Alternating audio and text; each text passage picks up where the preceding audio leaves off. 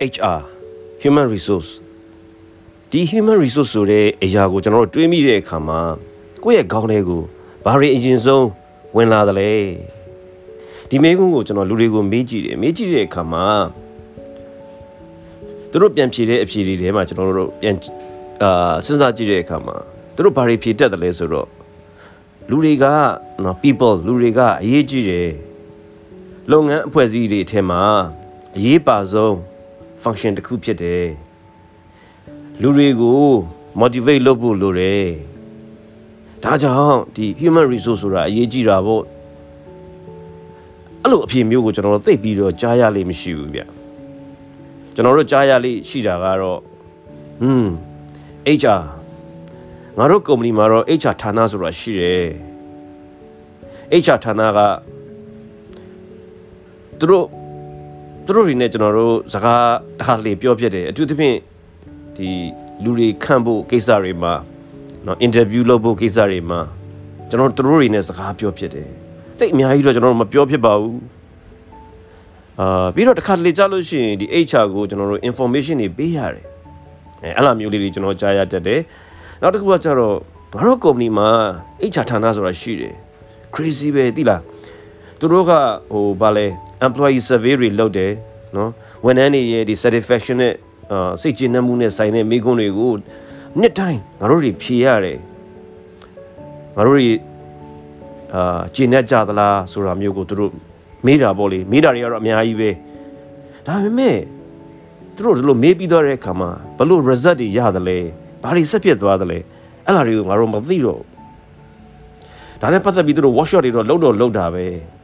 အဲအဲ့လိုမျိုးလဲကျွန်တော်တို့ကြားရတတ်တယ်နောက်တစ်မျိုးကကြတော့ဘယ်လိုလဲဆိုတော့ငါတို့မှတ်မိတယ် HR ကနေပြီးတော့ဒီ performance appraiser တွေလုပ်ဖို့ပြောတာကိုငါတို့တွေလိုက်လုပ်ပေးရတယ်သိလားဒီ root တစ်ခုရှိတယ်ဘာလဲဆိုတော့ဒီ don't mess with HR ပေါ့ HR နဲ့တွားပြီးတော့ပြဿနာမဖြစ်နဲ့ဆိုတာအာ rules တွေပေါ့လေသူတို့သူတို့ကျင်းနေအောင်ငါတို့လုပ်ပေးလိုက်တယ်နော် performance appraiser တို့ဘာလို့သူတို့လုပ်ခိုင်းတဲ့အခါမှာ ဒါပေမဲ့ရလာတဲ့ result ကတော့တိတ်မထူးပါဘူးတခုတော့ရှိတာပေါ့လေ HR ကိုပြောအောင်ကျွန်တော်တို့လုပ်ပေးလိုက်နိုင်တဲ့အခါကျတော့အဆင်ပြေသွားတာပေါ့အဲတခုကောင်းတာတော့ရှိတယ်ဗာလဲဆိုတော့ HR မှာရှိတဲ့သူတွေကအာ nice people တွေเนาะသူတို့ ਨੇ လောက်ရကန်ရတာအဆင်ပြေတယ်အဲ့လိုမျိုးလေးတွေကျွန်တော်တို့ကြားရလေးရှိတယ်ဆိုတော့ဒီအရာတွေကိုပြန်စဉ်းစားကြည့်တဲ့အခါမှာတကယ်ကိုကျွန်တော်တို့ဘယ်လိုခေါ်လဲအကောင်းကြီးတော့မဟုတ်ဘူးပေါ့ဗျာ နော်နောက်တစ်ခုကကြတော့ဒီ HR နဲ့ပတ်သက်တဲ့ဒီလုပ်ရည်ကံရည် competency တွေကလည်းပြောရမယ်ဆိုလို့ရှိရင်အခုကာလပိုင်းမှာတော်တော်လေးတိုးတက်လာကြတယ်ဒါပေမဲ့ HR ကိုလူတွေကလက်ခံတဲ့အပိုင်းမှာတော့သိပြီးတော့မတိုးတက်လာဘူးလို့ကျွန်တော်တို့မြင်တယ်ပြောရမယ်ဆိုလို့ရှိရင်အခုပြောတဲ့အရာတွေကလည်းတကယ်တမ်းကျတော့လူတွေပြန်ပြောတဲ့အရာကိုအခြေခံတာပါပဲကျွန်တော်တို့သိပြီးတော့မရမှန်တယ်ဒီ valid ဖြစ်တဲ့မဖြစ်ဘူးတော့အာပြောလို့မရဘူးပေါ့လေ ဆိုတော့ဒါတွေကိုပြန်ပြီးတော့ကျွန်တော်တို့အကျဉ်းချုပ်ကြည့်ရမယ်ဆိုလို့ရှိရင် HR ကိုလူတွေကဘယ်လိုလဲဆိုတော့ဒီအုပ်ချုပ်ရေးလုပ်ငန်းဒီ administration function တစ်ခုအနေနဲ့မြင်နေကြတာဖြစ်တယ်။နော်သူတို့ကဒီလုပ်ငန်းအဖွဲ့အစည်းရဲ့နေ့နေ့စဉ်ပေါ့လေဒီ operational issue ဒါတွေကိုဖြည့်ရှင်းဖြည့်ရှင်းနေကြတယ်လို့သူတို့ကအမြင်ရှိတယ်ပေါ့လေ။ဆိုတော့ဒီ HR administration ဆိုတာနေ့စဉ် daily operational issue operational topics ဒါတွေကိုပဲ အာလုပ်နေတယ်လို့လူတွေကအမြင်ရှိတယ်ပေါ့ဥပမာဆိုလို့ရှိရင်များကျွန်တော်တို့ဒီ payroll နော်လူတွေရဲ့လစာကိုအချိန်မီရရှိဖို့နောက်ပြီးတော့အာကိုရွေးလိုက်တဲ့ဝန်ထမ်းအသစ်တွေမှာဝန်ထမ်းအသစ်တွေကိုကျွန်တော် job offer တွေပေးနိုင်ဖို့ဝန်ထမ်းတွေအလုပ်ထွက်တဲ့ခါမှာလည်းလိုအပ်တဲ့ဒီ reference letter တွေကျွန်တော်တို့ပြင်ပေးနိုင်ဖို့လူတယောက်ကိုအလုပ်ထုတ်လိုက်တဲ့အခါမှာလည်းလိုအပ်တဲ့ဒီဒီအုပ်ချုပ်ရေးဆိုင်ရာလုပ်ငန်းတွေပေါ့လေနော်အများကြီးပေါ့အလားလေးတွေလည်းလုပ်နိုင်ဖို့ အဲအဲ့လိုမျိုးလေးတွေကျွန်တော်တို့လောက်ကြတယ်လို့ကျွန်တော်တို့အမြင်ရှိတယ်ပေါ့ဒီ personal ဌာနလို့နော်အမိစပေးကလေးကိုကဒီ HR အလုပ်တွေကပါလာခဲ့တာနော်ပါလာခဲ့တာဖြစ်တယ်ပြောရမယ်ဆိုလို့ရှိရင်တော့ဒီ HR administration ကိစ္စတွေပဲပေါ့လေဆိုတော့ဒါတွေကကျွန်တော်တို့ HR strategy အနေနဲ့မှားပြင်းပြီးတော့ယူဆလို့မရအောင်ဒါတွေက HR strategy စီမဟုတ်ဘူး HR ရဲ့မဟာဗျူဟာကိစ္စတွေမဟုတ်သူကဘာလဲဆိုတော့ HR ဌာနတစ်ခုမှာဘာတွေလုပ်ကြသလဲဆိုတာတွေပဲဖြစ်တယ် ဆိုတော့အခုကျွန်တော်ပြောချင်တာကဘာလဲဆိုတော့ human resource strategy အကြောင်းကိုကျွန်တော်ကပြောချင်တာ HR ဌာနတစ်ခုအကြောင်းကိုကျွန်တော်ပြောချင်တာမဟုတ် HR ဌာနတစ်ခုမှာဘာတွေလုပ်တယ်လဲဆိုတာကိုကျွန်တော်ပြောချင်တာမဟုတ်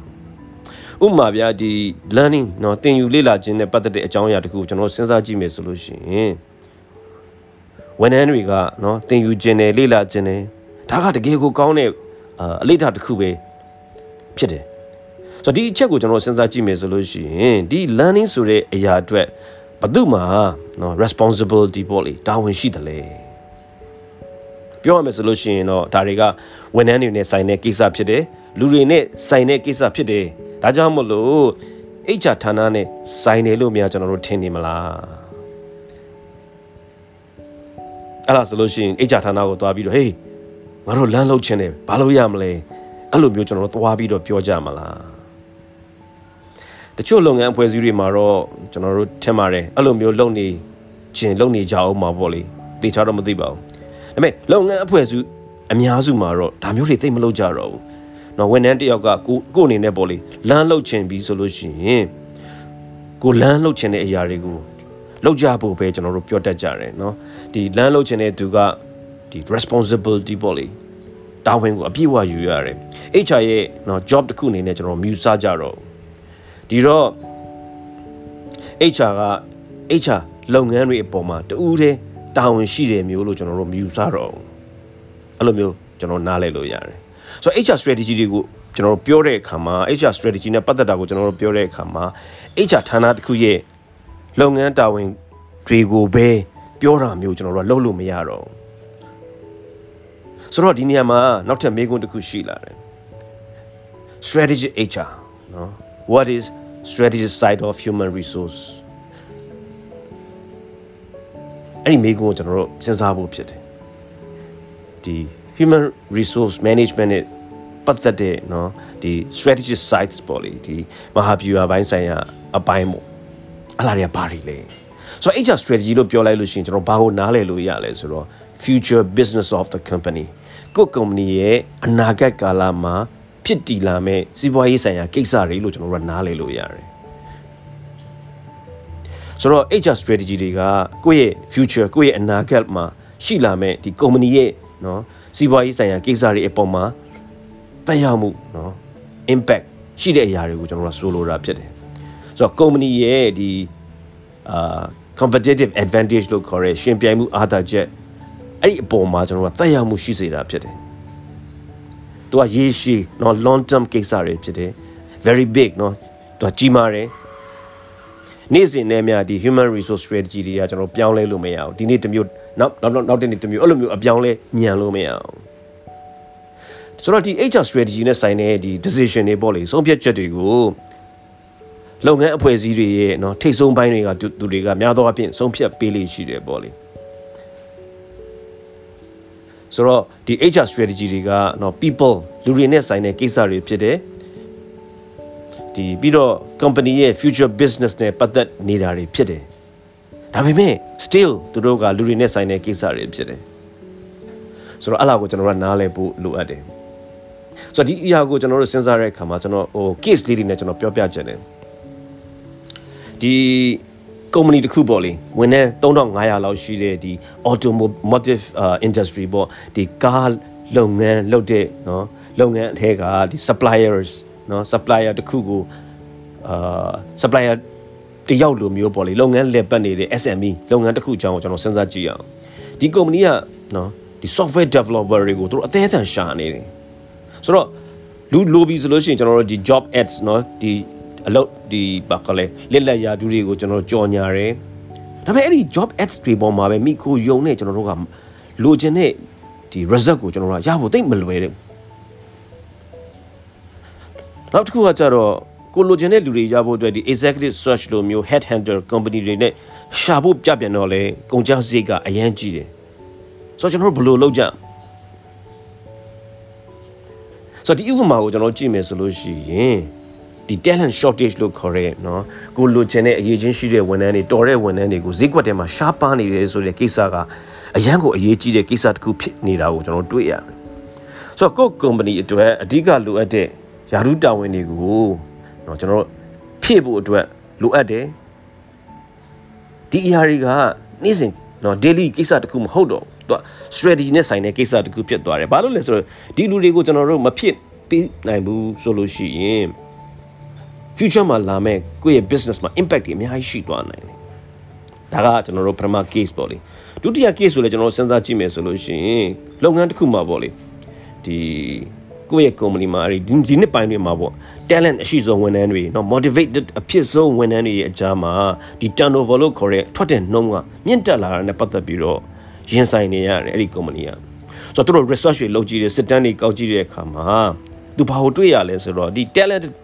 နော်ဖြစ်တဲ့ဝန်ထမ်းတွေအတွက်ဒီ career prospect နော်ဒီအမွေးဝမ်းကြောင်းဆိုင်ရာဒီဒီလုပ်ငန်းမှာလုပ်လို့ရေရှည်ဘာတိုးတက်မှုရှိမလဲဘာတွေတိုးတက်ရတိုးတက်ကြောင်းရှိမလဲဆိုတဲ့အရာတွေကကောင်းကောင်းမွန်မွန်ရှိမနေတာကိုကျွန်တော်တို့ကရှင်းရှင်းလင်းလင်းတွေးလိုက်ရတယ်နားလည်လိုက်ရတယ်တစ်ချိန်တည်းမှာပဲနော်ကုမ္ပဏီရဲ့ဒီလစ်လက်နေတဲ့ key position တွေကိုလည်းဖြည့်တဲ့အခါမှာကို ခုနပြောတဲ့ဒီ talent ဖြစ်တဲ့เนาะ internal candidate တွေနဲ့မခန့်ပဲနဲ့အပြင်ပကเนาะ external candidate တွေနဲ့ဖြည့်နေတာကိုကျွန်တော်သတိထားမိတယ်ဆိုတော့ကျွန်တော်တို့ဘယ်လိုလုပ်ကြမလဲเนาะဒီ case လေးမှာဆိုတော့ကိုယ့်ရဲ့ talented အဖြစ်ဆုံး motivated အဖြစ်ဆုံးဝန်ထမ်းတွေဆုံးရှုံးနေရပြီဆိုရင်ဒါတကယ်ကိုကြီးမားတဲ့ပြဿနာကြီးတစ်ခုရှိနေတယ်လို့ကျွန်တော်နားလဲလို့ရတယ်ပြောရမယ်ဆိုလို့ရှိရင် company ရဲ့ top 10เนาะဝန်ထမ်းတွေက company ပေါ်မှာတကယ်ကိုပဲတိတိတတ်တာကြီး contribute လုပ်နေကြတာဖြစ်တယ်သူတို့တွေကိုကျွန်တော်တို့ဆုံးရှုံးပြီဆိုလို့ရှိရင်တကယ်ကိုပဲကျွန်တော်တို့စိုးရင်စရာเนาะကျွန်တော်တို့အတွက်စိုးရင်စရာဖြစ်တယ်နောက်တစ်မျိုးကကြတော့ဒီ talented ဖြစ်တဲ့လူတွေကတကယ်ကိုတိုးတက်ချင်တဲ့လူတွေဖြစ်တယ်အရင်ကတိုးတက်ချင်တယ်ဆိုတော့သူတို့တွေကဒီ key position တွေကိုအပြင်ကလူတွေနဲ့ပဲဖြည့်နေတယ်ဆိုတဲ့အရာကိုသူတို့တတိထားမိလာမယ်ဆိုလို့ရှိရင်သူတို့စိတ်ပြက်လာကြမှာဖြစ်တယ်အလောက်ကနေသူတို့ထွက်မှာကျင်းသေးတယ်ဘာလို့လဲဆိုတော့ အပြင်ကလူတွေနဲ့ပဲဒီယာဒူးတွေကိုဖြည့်လိုက်တယ်ဆိုတဲ့အတိတ်ဘယ်ကပါလဲเนาะအတွင်းကလူတွေကအရေးချင်းမမိသေးဘူးဆိုတဲ့အတိတ်ပဲเนาะအဲ့လိုမျိုးပြောလိုက်တာ ਨੇ အတူတူပဲဖြစ်တယ်ဆိုတော့ talent ဖြစ်တဲ့ဝန်ထမ်းတွေကနော်ဘယ်နှစ်ယောက်လောက်ကကိုယ့်ကိုအရေးချင်းမမိသေးဘူးလို့အပြောခံရတာမျိုးခံကျင်ကြမှာလဲခံကျင်မှာမဟုတ်ဆိုတော့ကျွန်တော်တို့ဒီလို case မှာဆိုလို့ရှိရင်ဘယ်လိုလုပ်ကြမလဲနောက်ထပ် case တစ်ခုကိုကြည့်အောင် နော် company တစ်ခုမှာဒီ CEO အသစ်ကျွန်တော်တို့ခန့်လိုက်တယ်ပေါ့လေဆိုတော့ဒီ CEO အသစ်ကနော်ဒီ insurance company တခုမှာပေါ့လေ CEO အသစ်တယောက်ကိုခန့်လိုက်တယ်ခန့်လိုက်တဲ့အခါမှာဒီ function အကုန်လုံးဒီလုပ်ငန်းပေါ့ဒီဒီဒီ company ရဲ့ function အကုန်လုံးနှီးပါမှာเนาะဒီ performance drive ဒါတွေမရှိတော့ဘူးရီမန်းချက်တွေ ကင်းမဲ့နေတယ်လို့ဒီအသစ်ခန့်လိုက်တဲ့ CEO ကသတိပြုမိတယ်ဆိုတော့ဒီ manager တွေဝန်ထမ်းတွေကိုเนาะအာပြန်ပြီးတော့ performance drive တွေဖြစ်ပါရီမန်းချက်တွေထားပါလို့ကျွန်တော် request လုပ်ရုံနဲ့လည်းမလုံလောက်နိုင်တော့ဘူးဆိုတော့ तू ကဘာပြောလဲဆိုတော့ company အနေနဲ့ပေါ့လေဒီ performance management system အသစ်တစ်ခုရှိဖို့လိုအပ်နေပြီလို့ तू ကပြောတယ်ဆိုတော့အဲ့ဒီအချက်ကကျွန်တော်တို့အတွက်နော်ရုပ်တည်ရှိသလားရှိတယ်ဆိုလို့ရှိရင်ကျွန်တော်ဘယ်လိုလုပ်ကြမလဲ ဆိုတော့ဒီအရာကလည်းကျွန်တော်စဉ်းစားဖို့ဖြစ်တယ်နောက်ထပ် case တစ်ခုကကြတော့ဗာလဲဆိုတော့ retail နော်လုပ်ငန်းတစ်ခု retail company တစ်ခုပေါ့လေသူ့မှာရောင်းအားတွေကျလာဒီ market share တွေကလည်းနည်းတဲ့နည်းလာတယ်ဆိုတော့ဒီ company ရဲ့ဒီ corporate strategy ကဘာလုပ်ခိုင်းလဲဆိုတော့ဒီ supply တွေ distribution channel တွေမှာရှိနေတဲ့လိုအပ်နေတဲ့ဒီ business process တွေကို digitalize လုပ်ဖို့သူတို့က focus လုပ်ဖို့ခိုင်းတယ် ဒါပေမဲ့သူတို့ analyze လုပ်ကြည့်တဲ့အခါမှာအဲ့ဒီ company မှာရှိတဲ့ဝန်ထမ်းတွေကဒီ digital ပိုင်းဆိုင်ရာကိစ္စတွေမှာတော့ဘ ഹു တုတ knowledge တိတ်မရှိကြဘူးအားနည်းနေတယ်ဆိုတော့အဲ့ဒီ digitalize လုပ်ဖို့ဆိုတော့တုံ့ဆုပ်တုံ့ဆုပ်ဖြစ်ဆိုတော့ကျွန်တော်တို့ဘယ်လိုလုပ်ကြမလဲဆိုတော့အခုကျွန်တော်ပြောလိုက်တဲ့ case ၄ခုကိုကျွန်တော်ကြည့်မယ်ဆိုလို့ရှိရင်ဒါတွေက day to day operation နဲ့ဆိုင်တဲ့အရာတွေမဟုတ်တော့ဘူးသူက company ရဲ့ future business ပေါ်မှာရိုက်ခတ်မှုအများကြီးရှိသွားနိုင်တဲ့ ကိစ္စတွေဖြစ်လာတယ်ဒီအရာတွေဒီပြဿနာတွေကိုတော့ကျွန်တော် take care မလုပ်ဘူးဆိုလို့ရှိရင် company မှာလာမယ့်အနာဂတ်ကာလမှာထိခိုက်မှုတွေအများကြီးရှိသွားနိုင်တယ်ဆိုတော့ဒီအရာတွေကိုရင်ဆိုင်ဖြေရှင်းဖို့အတွက်ကျွန်တော် human resource strategies เนาะ human resource နဲ့ဆိုင်တဲ့မဟာဗျူဟာတွေကျွန်တော်ချမှတ်ဖို့လိုအပ်လာတယ်ဆိုတော့ဒီကိစ္စတွေနဲ့ပတ်သက်ပြီးတော့ HR ဌာနအနေနဲ့ကျွန်တော်အများကြီး contribute လုပ်ပေးနိုင်တယ်တစ်ချိန်တည်းမှာပဲ အဲ့လာကြီးနဲ့ပတ်သက်ပြီးတော့အမားတစ်ခုလောက်ကျွန်တော်လုံမိလိုက်လို့ရှိရင်လေနော် consequences အကြီးကြီးတွေဖြစ်သွားနိုင်တယ်ဒါကြောင့်မို့လို့ကျွန်တော်တို့ human resource management နဲ့ပတ်သက်လို့ရှိရင်ဒီအာဒီ strategy ဘိုင်းဆိုင်ရာကတည်တည်ချာချာလေးကိုကျွန်တော်တို့ guide တွင်လောက်ကန်ရမှာလို့ကျွန်တော်နားလည်ဖို့လိုအပ်တယ်ဆိုတော့ဒီ HR strategy အကြောင်းကိုကျွန်တော်ပြောတဲ့အခါမှာဒီ HR strategy နဲ့ပတ်သက်တဲ့ definition တွေကိုကျွန်တော်စဉ်းစားကြည့်အောင် HR strategy ရဲ့ definition ကပါလဲအတိတ်ဘယ်ကပါလဲ ဆိုတော့လွယ်လွယ်ကူကူပြောမယ်ဆိုလို့ရှိရင်တော့ company တစ်ခုရဲ့ဒီ HR strategy တွေကနော်ဒီ people related approach လို့ခေါ်တာပေါ့လူတွေနဲ့ပတ်သက်နေတော့နော်ချင်းကပ်မှုလို့ကျွန်တော်တို့ပြောလို့ရတယ်ဆိုတော့ approach နော်လူတွေနဲ့ပတ်သက်တဲ့ကိစ္စတွေကိုကျွန်တော်တို့ဘယ်လိုလုပ်ကြမလဲလူတွေနဲ့ပတ်သက်တဲ့ကိစ္စတွေကိုဘယ်လိုရင်ဆိုင်ကြမလဲဘယ်လိုဖြေရှင်းကြမလဲဆိုတော့လူတွေနဲ့ဆိုင်တဲ့အာဒီချင်းကပ်မှု approach တွေဖြစ်တယ်ဒါပေမဲ့အဲ့ဒီကိစ္စတွေက နော်သူကဘာကို attract လုပ်မလဲဆိုတော့အဲ့ဒီကျွန်တော်တို့ဘယ်လိုလူတွေနဲ့ပတ်သက်ပြီးဘယ်လိုလုပ်ကြမလဲဆိုတဲ့အရာတွေကကုမ္ပဏီရဲ့ဒီစီးပွားရေးဆိုင်ရာနော်မဟာဗျူဟာကိစ္စတွေနော် strategic business challenges စိန်ခေါ်မှုတွေဆိုတော့ကုမ္ပဏီရဲ့ဒီ strategic ဘိုင်းဆိုင်ရာ